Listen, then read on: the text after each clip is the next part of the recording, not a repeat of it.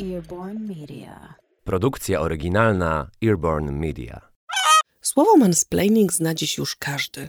Wyrażenie to wymyśliła w 2008 roku Rebeka Solnit w swoim artykule Mężczyźni wyjaśniają mi świat. Od tego czasu walka z mansplainingiem trwa, a i świadomość jego istnienia jest ogromna. Mansplaining to sytuacja, w której mężczyzna przerywa kobiecie, tak jak na przykład Trump Hillary Clinton podczas debaty przedwyborczej. Pamiętacie to? Przerwał jej ponad 50 razy. A po co przerywa? Żeby wyjaśnić w sumie cokolwiek, ale zazwyczaj coś, o czym ona już doskonale wie.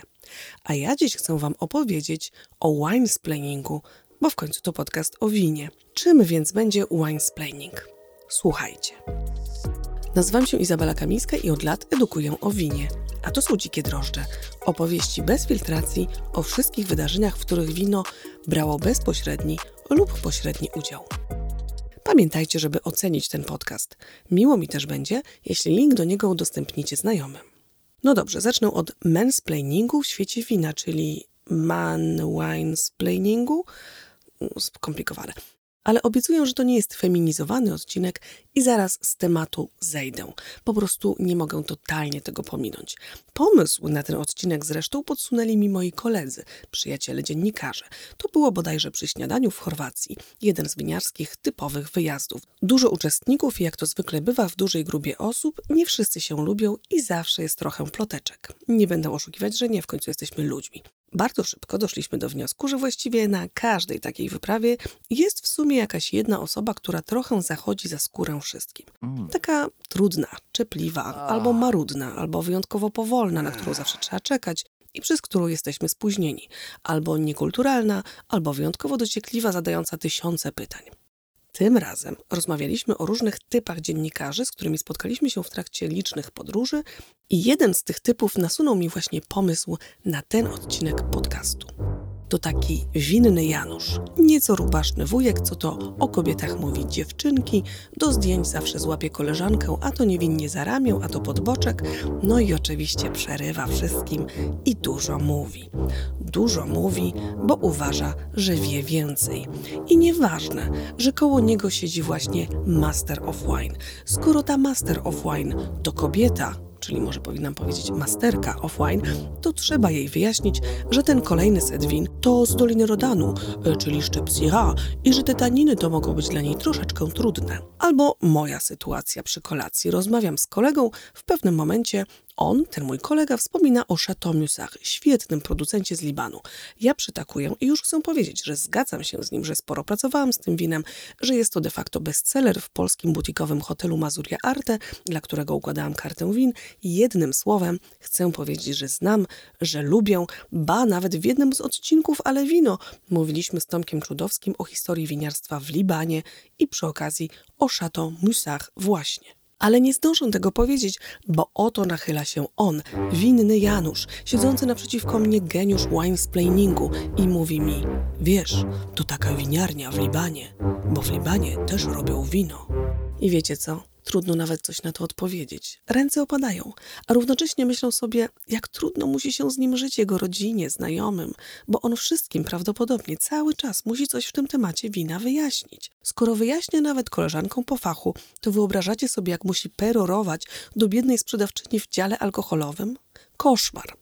W każdym razie nawet nie zareagowałam, po prostu dalej rozmawiałam z moim kolegą. Ale winesplaining może uprawiać każdy, niezależnie od płci. Więc dla równowagi opowiem Wam drugą historyjkę. Jestem przewodniczącą komisji na pewnym konkursie winiarskim. W komisji jest pięć osób, jedno z win wyjątkowo nam się podoba.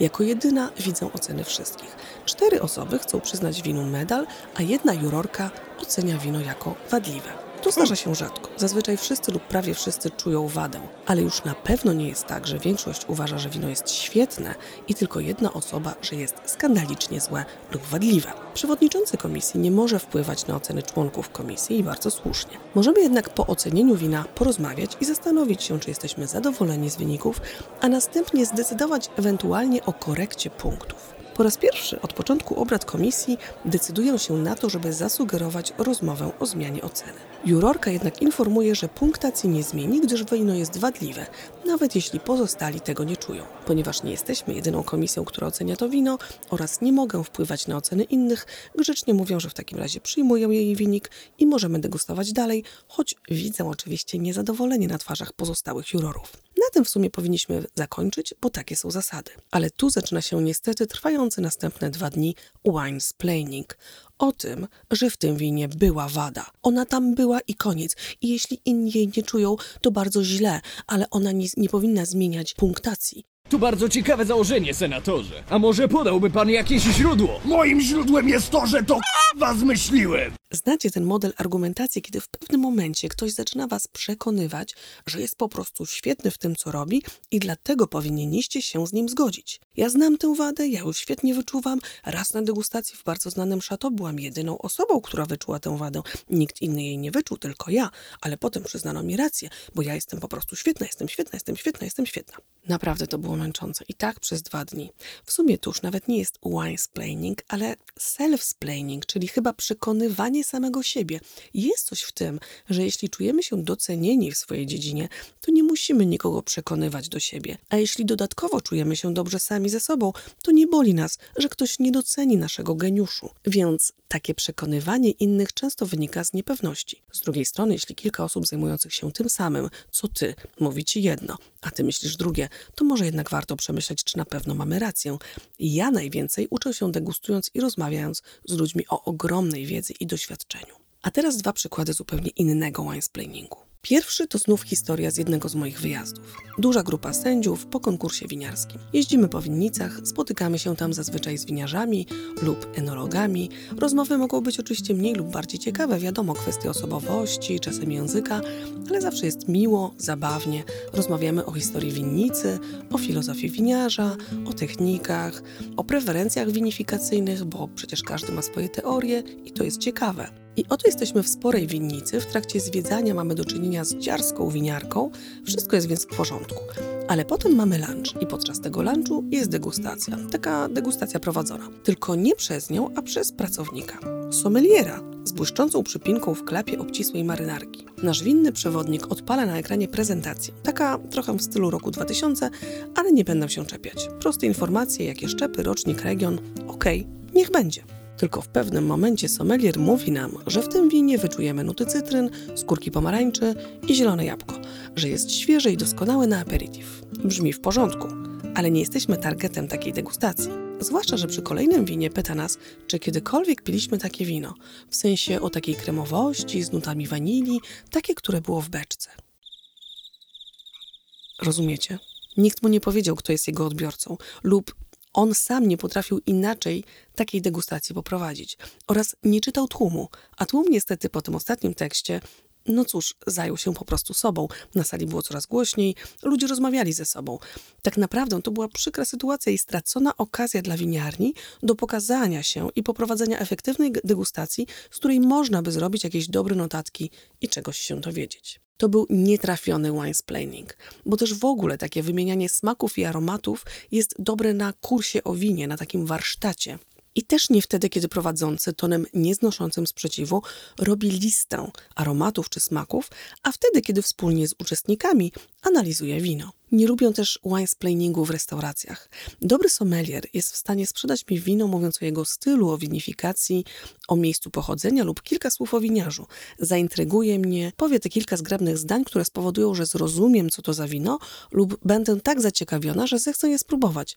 Nawet jeśli nie o ten styl mi chodziło. Natomiast kiedy nie ma się tej swobody w opisie wina, wygląda to tak, jakby ktoś przeczytał notatkę od importera. No to to jest takie wino o słomkowym kolorze, w nosie cytrusy, a w ustach nuty gruszki agrestu, jest świeże i lekkie, o orzeźwiającej kwasowości i długim finiszu przy słomkowym kolorze ja już wysiadam, a sam opis będzie pasował do tysiąca win i nie wiem nawet, czy to będzie Riesling, czy Pinot Grigio, czy jeszcze coś.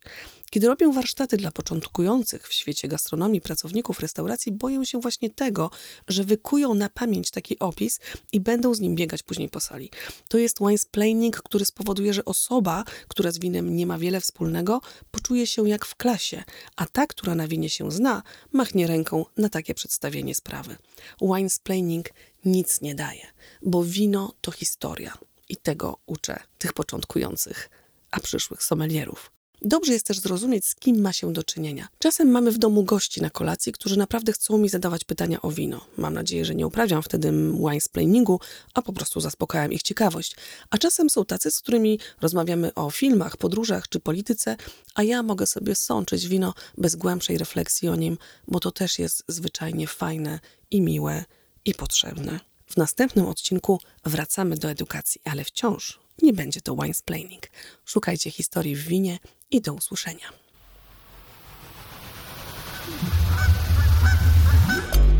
Earborn Media.